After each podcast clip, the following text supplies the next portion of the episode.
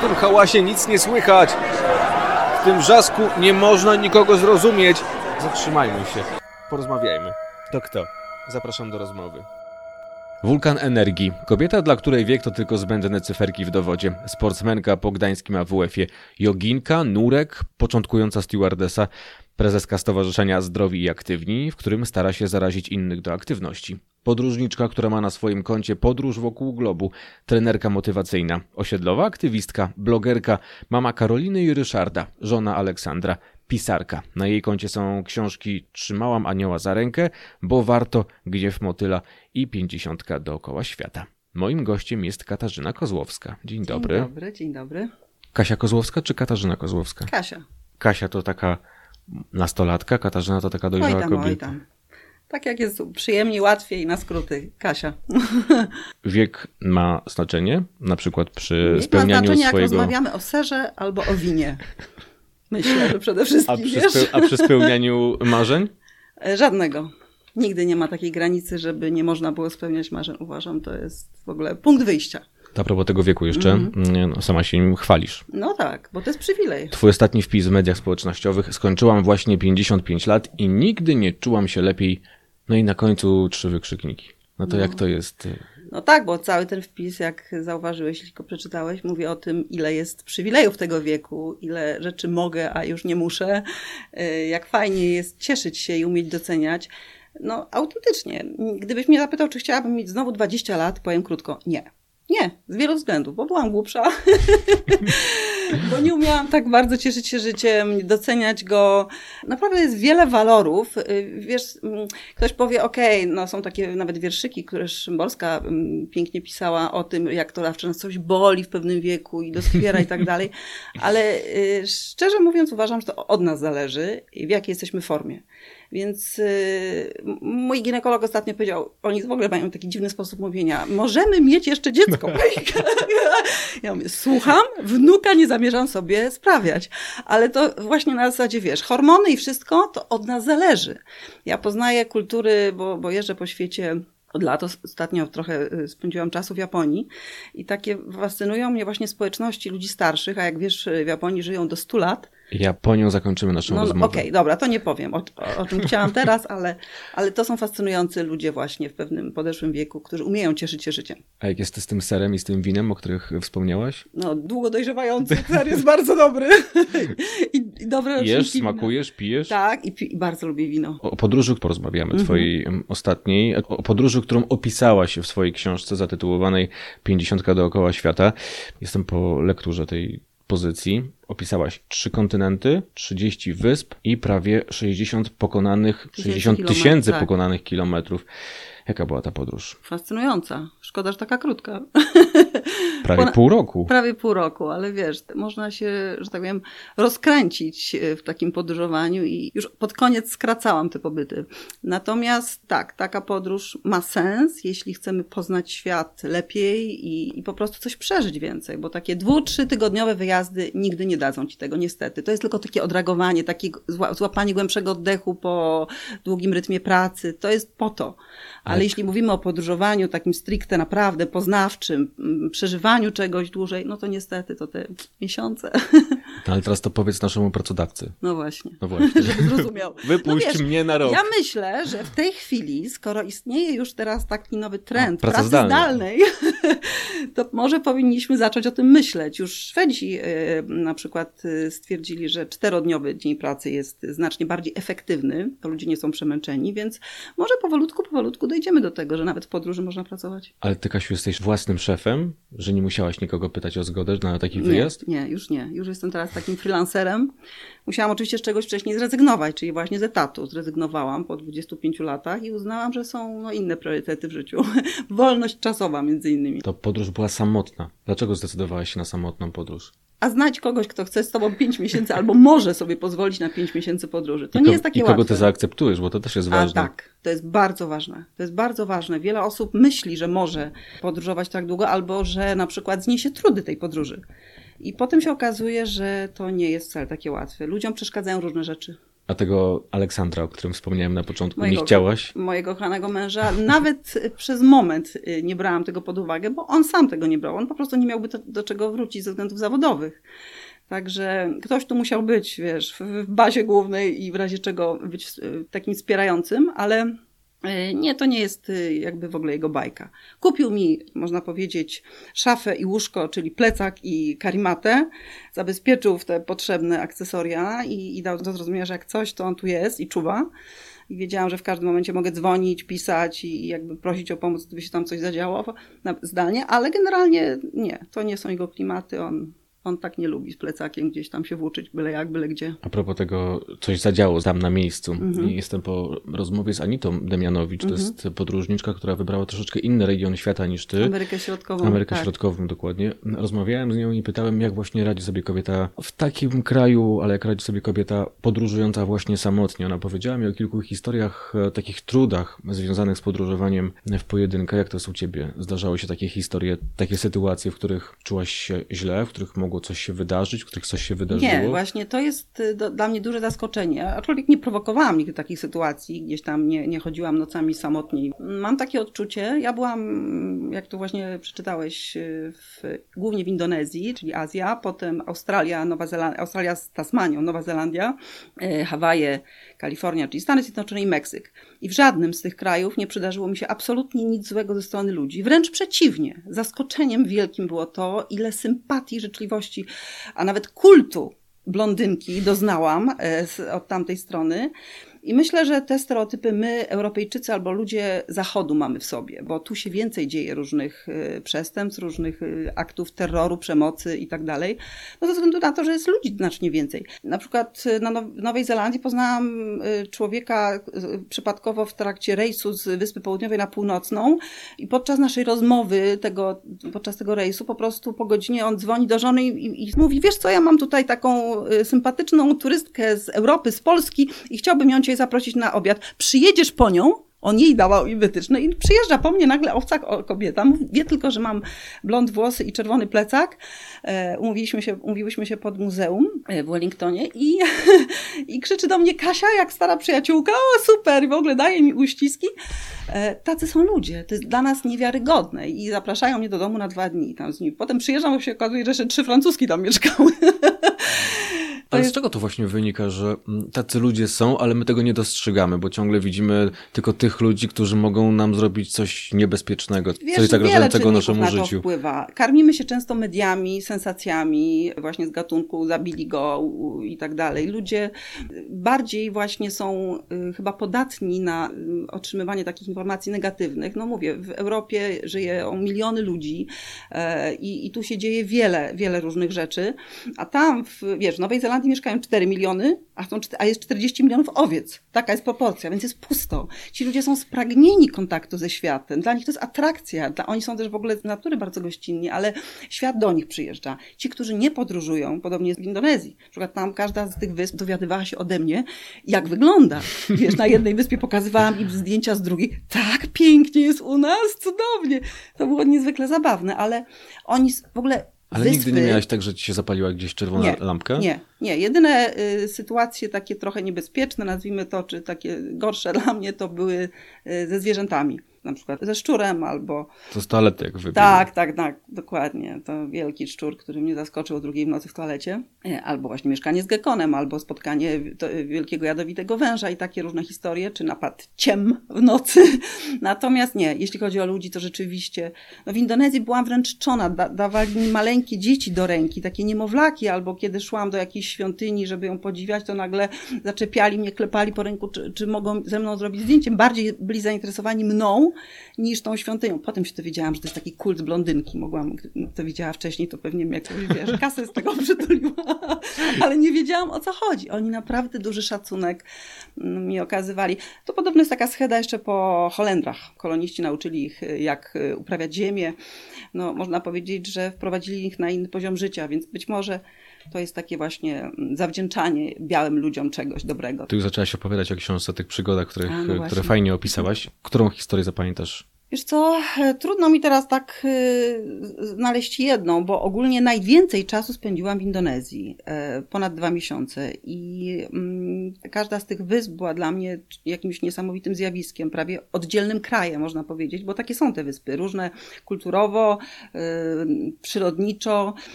Niesamowite było spotkanie na przykład i uczestniczenie w pogrzebie w Tanatoradża. To było coś absolutnie, no wiesz, u nas tu chodzi o, o to, że tam po prostu przyjechałam na imprezę. Oni mnie w hotelu powitali słowami You are lucky there is a funeral on Monday. Powinna się pani cieszyć, jest, jest impreza, jest pogrzeb w poniedziałek. No, u nas się wyrazy współczucia przekazuje, mm -hmm. tak, zmarłym, a tutaj cudownie pani trafiła, jest feta. No więc to było mm, dla mnie zaskoczenie duże i w ogóle uczestniczenie w, właśnie w takim obrządku, takim niezwykłym, to zabijanie bawołów rytualne, to, to była nowość. Nigdzie z, nikim, z niczym wcześniej nie mogłabym tego porównać. Także na pewno tak. To jeszcze ta tona Toraja, o której wspomniałaś, tak, zacytuję. Tak. Raz na kilka lat ciała są wyjmowane z trumien, mhm. myte, czesane, ubierane w nową odzież i malowane. Dokładnie. Następnie chowane są ponownie do trumien.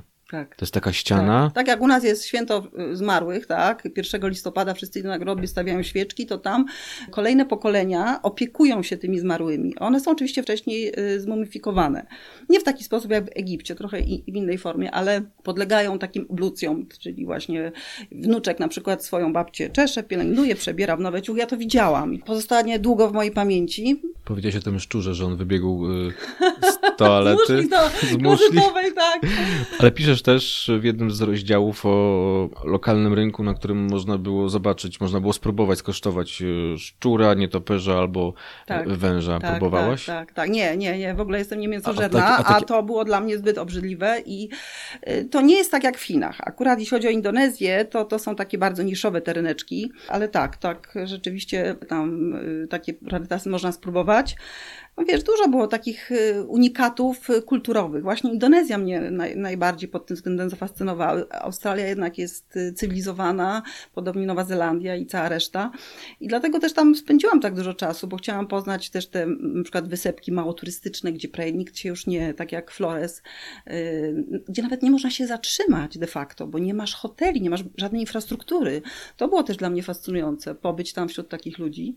Myślę, że tam bym wróciła w ogóle na Papuę na przykład, bo to są wielkie odległości. To jest największy archipelag świata, wiesz, ponad 17 tysięcy wysp.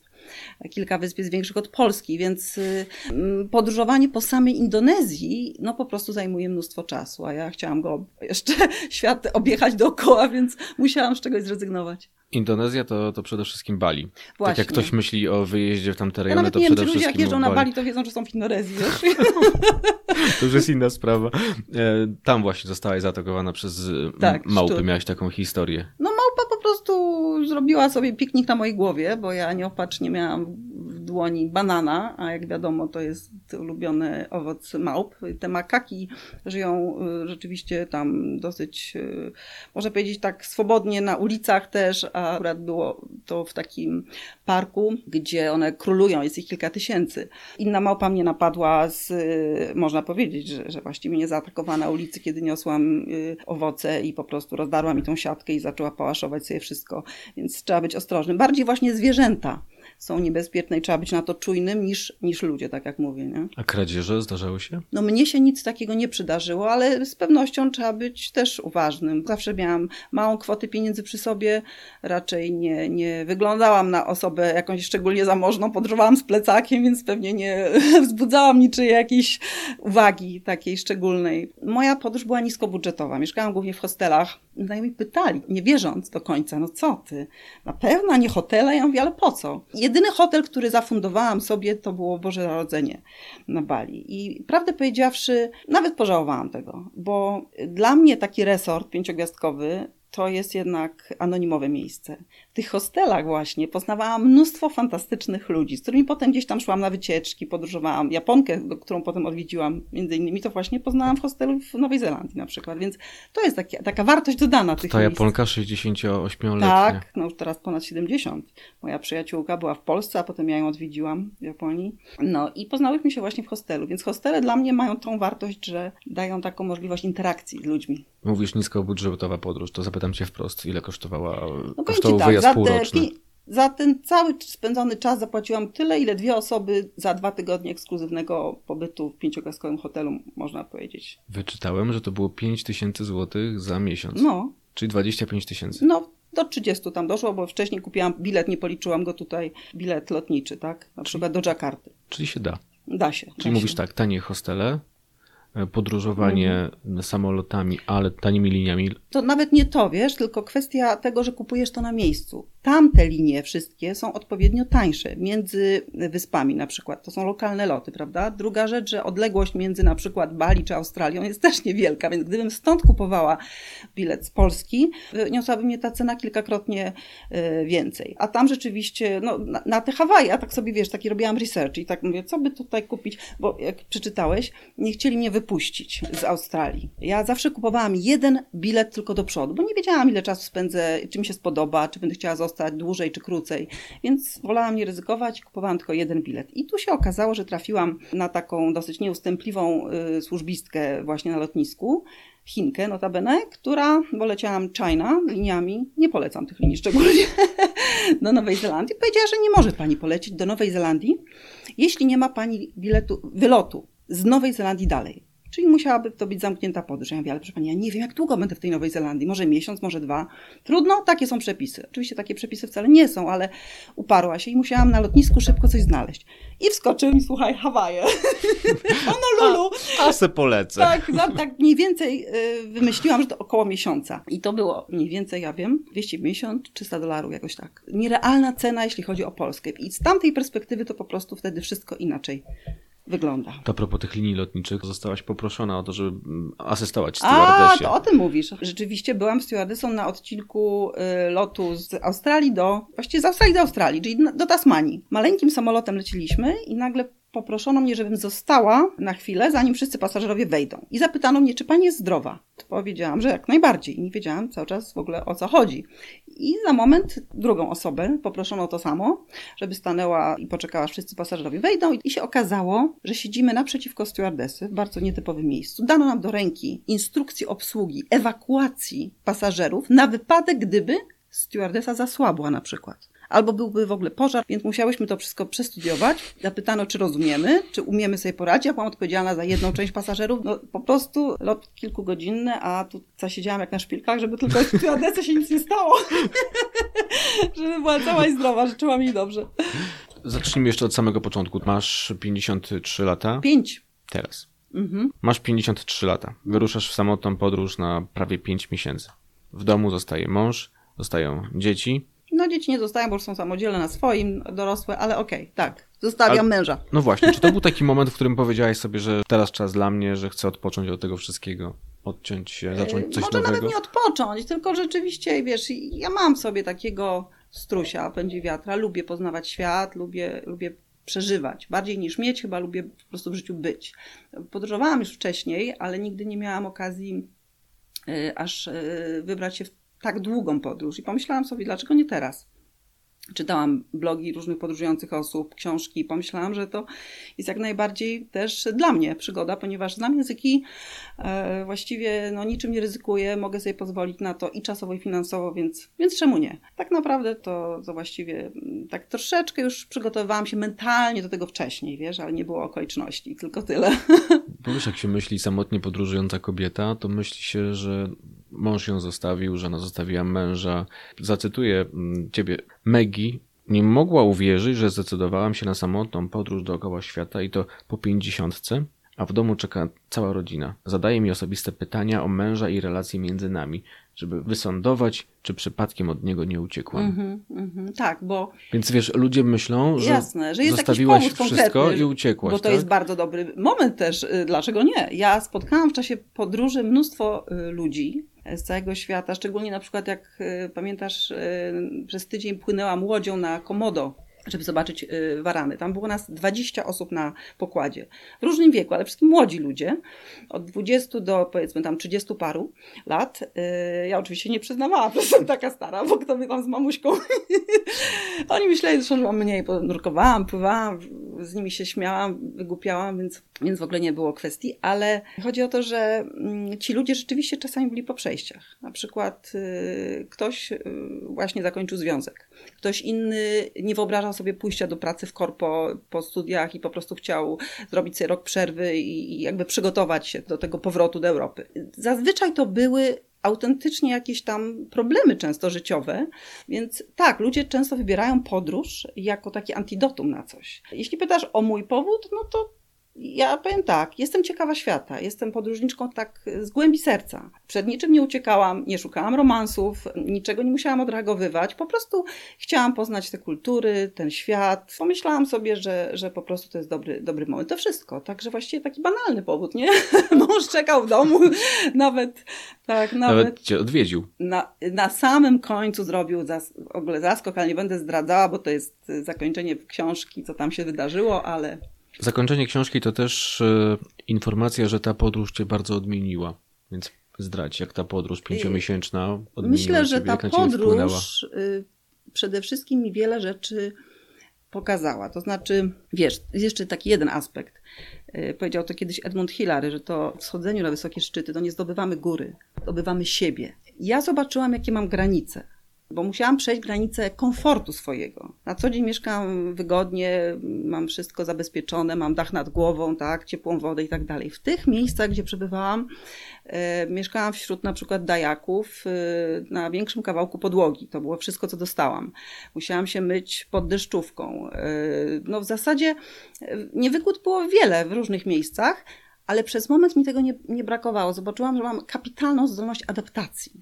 E, że nie przeszkadza mi zła pogoda czy dobra, że, że nie tracę z tego powodu humoru, że właściwie jestem taka flexible, jak to się mówi po angielsku, czyli taka elastyczna i to, to było fajne dla mnie. Ty też taka byłaś jeszcze przed tą podróżą? W jakimś sensie tak, ale nigdy nie miałam możliwości skonfrontować jakby życia, bo ja w ogóle uważam, że ludzie powinni wyjeżdżać chociaż na jakieś takie obozy przetrwania, żeby docenić życie, które mają.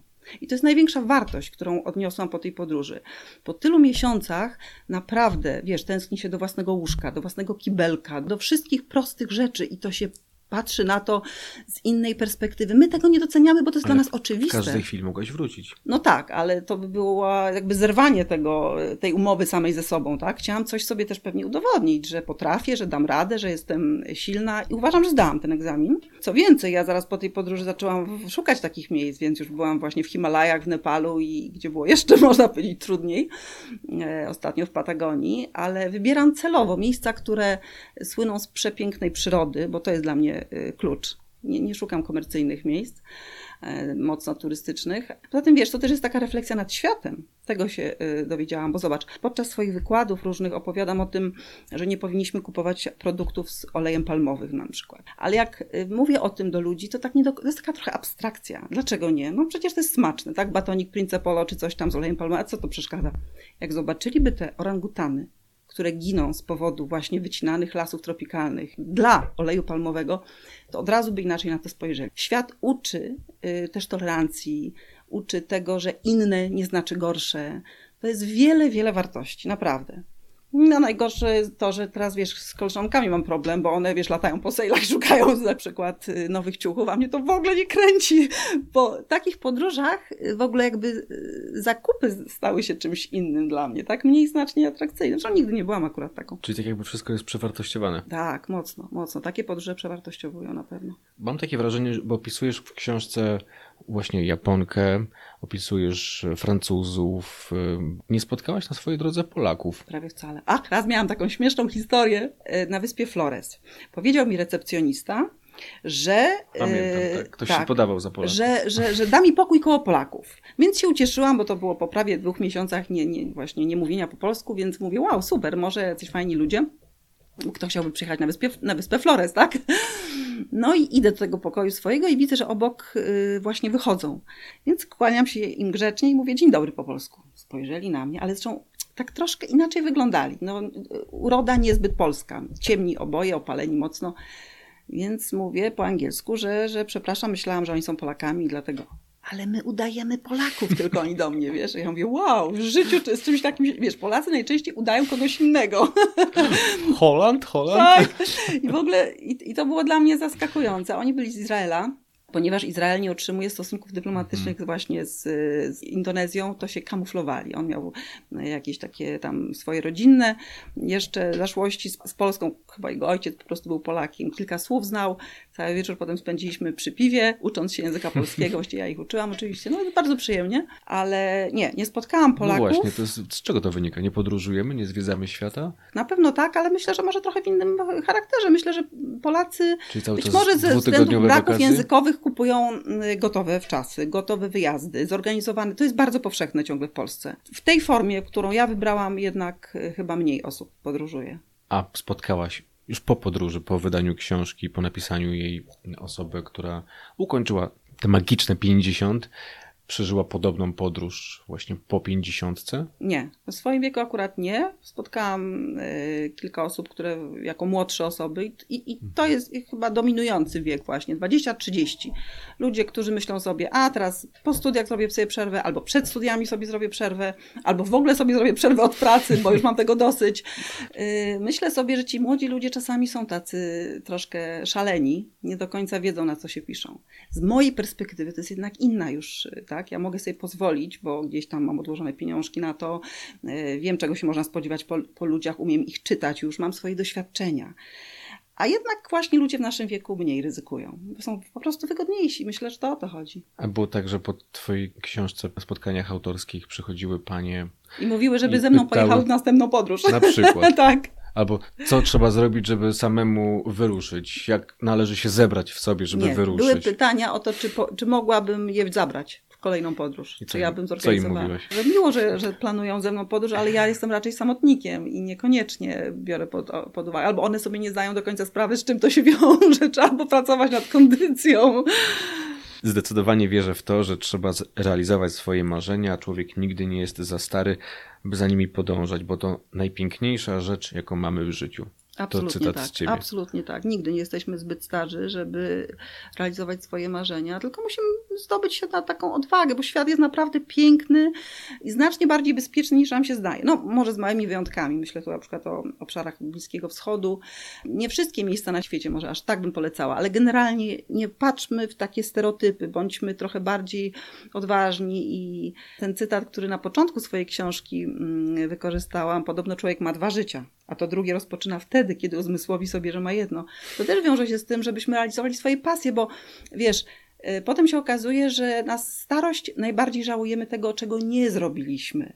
Więc y, trzeba po prostu rozwinąć skrzydła i jeśli masz w głębi gdzieś taką potrzebę, to po prostu to zrób. Jeśli nie w tym momencie, to zaczekaj, zrób to później, ale, ale to, to, to daje nam szczęście tak naprawdę. To jeszcze jeden cytat z ciebie. Nauczyłam się, że człowiek na co dzień doskonale obywa się bez wielu rzeczy i wygód. Tak, bez To tego bez całego czego? sianka. No właśnie bez komfortu, bez fajnego hotelu, bez... y, y, Wiesz, w tych, tych hostelach niewiele tam było. To było proste łóżko, często nic, nic ponadto. Musiałam sobie sama przygotować śniadanie, kupić artykuły. Nie, nie miałam zapewnionego bed and breakfast nawet. A, I, I tak, właśnie z takich różnych... Cały czas plecak, nie walizka. o, Rzeczy oddawałam do pralni ulicznej. Czasami y, zmieniły kolor. Nie wyprały się do końca. czasami w ogóle zmi, zmi- zmieniły swoją ilość, no, czyli było ich mniej. No różne były takie przygody zabawne, ale wynalazkiem w ogóle XX wieku największym chyba jest to, że możemy podróżować wszędzie, że nie ma teraz białych. W ogóle wydaje mi się, że... po- Mogliśmy do czasu koronawirusa. Okej, ale wiesz co? Ja mam tutaj takie ambiwalentne uczucia. Yy, Bo ktoś mnie ostatnio zapytał, ojej, to biedna jesteś, teraz nie możesz podróżować, jako po- podróżniczka to pewnie nieszczęśliwa. Nie. Ja tak jak w książce właśnie piszę, jak my, jak my strasznie niszczymy ten świat, jak e, wiele zła wyrządziliśmy temu światu, tej naturze, ja się w jakimś sensie cieszę. Mi jest żal ludzi, którzy oczywiście bankrutują, tracą pieniądze, nie mają pracy w tym momencie. To jest jasna sprawa. Ale jeśli pytasz mnie o to, czy ten przystanek y, ludzkości teraz ma jakiś zły wpływ na świat, to uważam, że właśnie jest odwrotnie. To widać zresztą, prawda? Ryby wpłynęły do, do wód w Wenecji, wiesz, widać z Indii, Himalaje 200 kilometrów dalej, czego nigdy nie było. Jest wiele walorów, wiele wartości. Człowiek zamknięty w domu przez jakiś czas, nie wiem, czy to wystarczy na długo, ale troszeczkę chociaż dał ulgę i odprężenie tej przyrodzie. Z tego się bardzo cieszę. Tak, bo opisujesz właśnie ten plastik pływający po, po wodach, po morzach i oceanach. Strasznie, łachy całe, naprawdę. Widać je z samolotu i tą niszczoną rafę koralową, którą łamiemy sobie na pamiątkę. Ludzie są ignorantami, ludzie nie mają świadomości tego. Przyjadą, wyrzucą śmieci, pojadą, ale następni to co? Mają naprawić to po nich? Wiesz, to jest przykre i, i nad tym bardzo Już ubolewam. nie będzie czego naprawiać. No, teraz ostatnio w Patagonii miałam taki y, przyjemny moment, bo tam jest jeden człowiek na kilometr kwadratowy. Więc nie ma tych ludzi. Jest głównie przyroda, zwierzęta. I widać od razu jakość tej natury. W sensie, że nie ma śmieci, nie ma brudu, jest lepsze powietrze. Ta natura no, jest w żywiole. Tu wieloryby, tu pingwiny. Fajnie było to oglądać. Stąd też z Gdyni często wyskakujesz na Kaszuby. Oj tak, kocham Kaszuby. Kaszuby są, uważam, takim moim miejscem. To jest pełen luksus cisza, spokój i przestrzeń. To są największe luksusy. Kaszuby jeszcze nie są zanieczyszczone. Absolutnie. Na koniec zapytam Cię o plany e, podróżniczo-wydawnicze. No właśnie, to będzie jakoś ze sobą powiązane? Kolejna wyprawa, kolejna książka? E, nie wiem, czy tak powiązane. Może książkę przygotowuję, ale nie powiem teraz co, ale rzeczywiście pracuję nad materiałem. Natomiast podróż być może jesienią, jeśli się nie zadzieje nic złego w kwestii tutaj naszej epidemii, czyli nie będzie drugiego tego rzutu, e, planuję dalej penetrować Amerykę Południową, bo jestem zafascynowana, a tam jest wiele jeszcze krajów, które chciałabym odwiedzić. I Galapagos na przykład. Tylko, że tam już jest niebezpiecznie. Zwłaszcza dla blondynki. No, wiesz, wybiorę takie miejsca, żeby było trochę lepiej. Ale tak, jeszcze myślę o, o kontynuowaniu co będzie, to będzie, que sera. Nie, nie, jakby nie, wiesz, jest takie powiedzenie, że najgorsze, co możesz zrobić, to się na coś nastawiać, bo potem jesteś rozczarowany, więc ja się już dawno nie nastawiam. Jak się uda, to będzie, jak nie, to będę tutaj na Kaszubach też opowiadała i pisała na blogu, jak jest pięknie. Jest tyle też niesamowitych miejsc, zakątków, które warto odwiedzić. Ale w kolejną podróż zabierzesz Aleksandra? Jak Aleksander będzie chciał. Zaczęliśmy od, od Japonii. W zasadzie ty zaczęłaś od Japonii, więc pytanie do ciebie. Dlaczego w Japonii żyje najwięcej na świecie stuletnich ludzi? Właśnie, to jest ciekawe pytanie, prawda? Ja poznałam kilka z tych starszych pań. Moja Hiroka, moja Japonka, ma dwie przyjaciółki, które przyjechały do niej na spotkanie i również po to, żeby mnie zobaczyć. Mm, e, przyjaciółkę z Polski. E, no i powiem tak, najprościej dlatego, że potrafią żyć według filozofii Ikigai, czyli tej filozofii, która mówi, musisz być jak płynąca rzeka, musisz być w ruchu, musisz cieszyć się życiem, musisz mieć powód do wstawania codziennie rano. Oni mm, e, rzeczywiście żyją na Okinawie szczególnie, tam jest ta największa populacja stulatków, zdrowych stulatków, bo to nie o to chodzi, żeby wiesz, być podłączonym do respiratora, tak, albo brać tyle e, leków, że po prostu już więcej niż jedzenia, ale to jest kuchnia, raz, zdrowa kuchnia, dużo antyoksydantów, dużo, dużo ryb. Dwa, to jest ta mobilność, więc na przykład medytują, ćwiczą y, tai chi, chi kung. Oni są cały czas w jakimś takim ruchu, uprawiają ogródki, dużo chodzą na piechotę i myślę, że w ogóle takie podejście trochę buddyjskie, takim, mm, jak nie możesz czegoś zmienić, to nie rusz. Jak możesz, to po prostu zrób to, ale się nie stresuj, tylko rób. Fajna jest ta, ta ich, ich, ich, postawa, podoba mi się. E, I myślę, że możemy się czegoś nauczyć. E, szacunku dla drugiej osoby, takiego respektu, takiej przestrzeni. No, na razie się nauczyliśmy nosić maseczki, tak jak oni, I, i bardziej być sterylni. Jakiś zaczątek. Jeszcze trzeba by właśnie porozmawiać o diecie, o relacjach społecznych. No, jest wiele wątków. Jest... Ty ich z przyjemnością obserwowałaś, a ja z przyjemnością Cię wysłuchałem. Dziękuję bardzo, bardzo dziękuję. za rozmowę. Dziękuję serdecznie.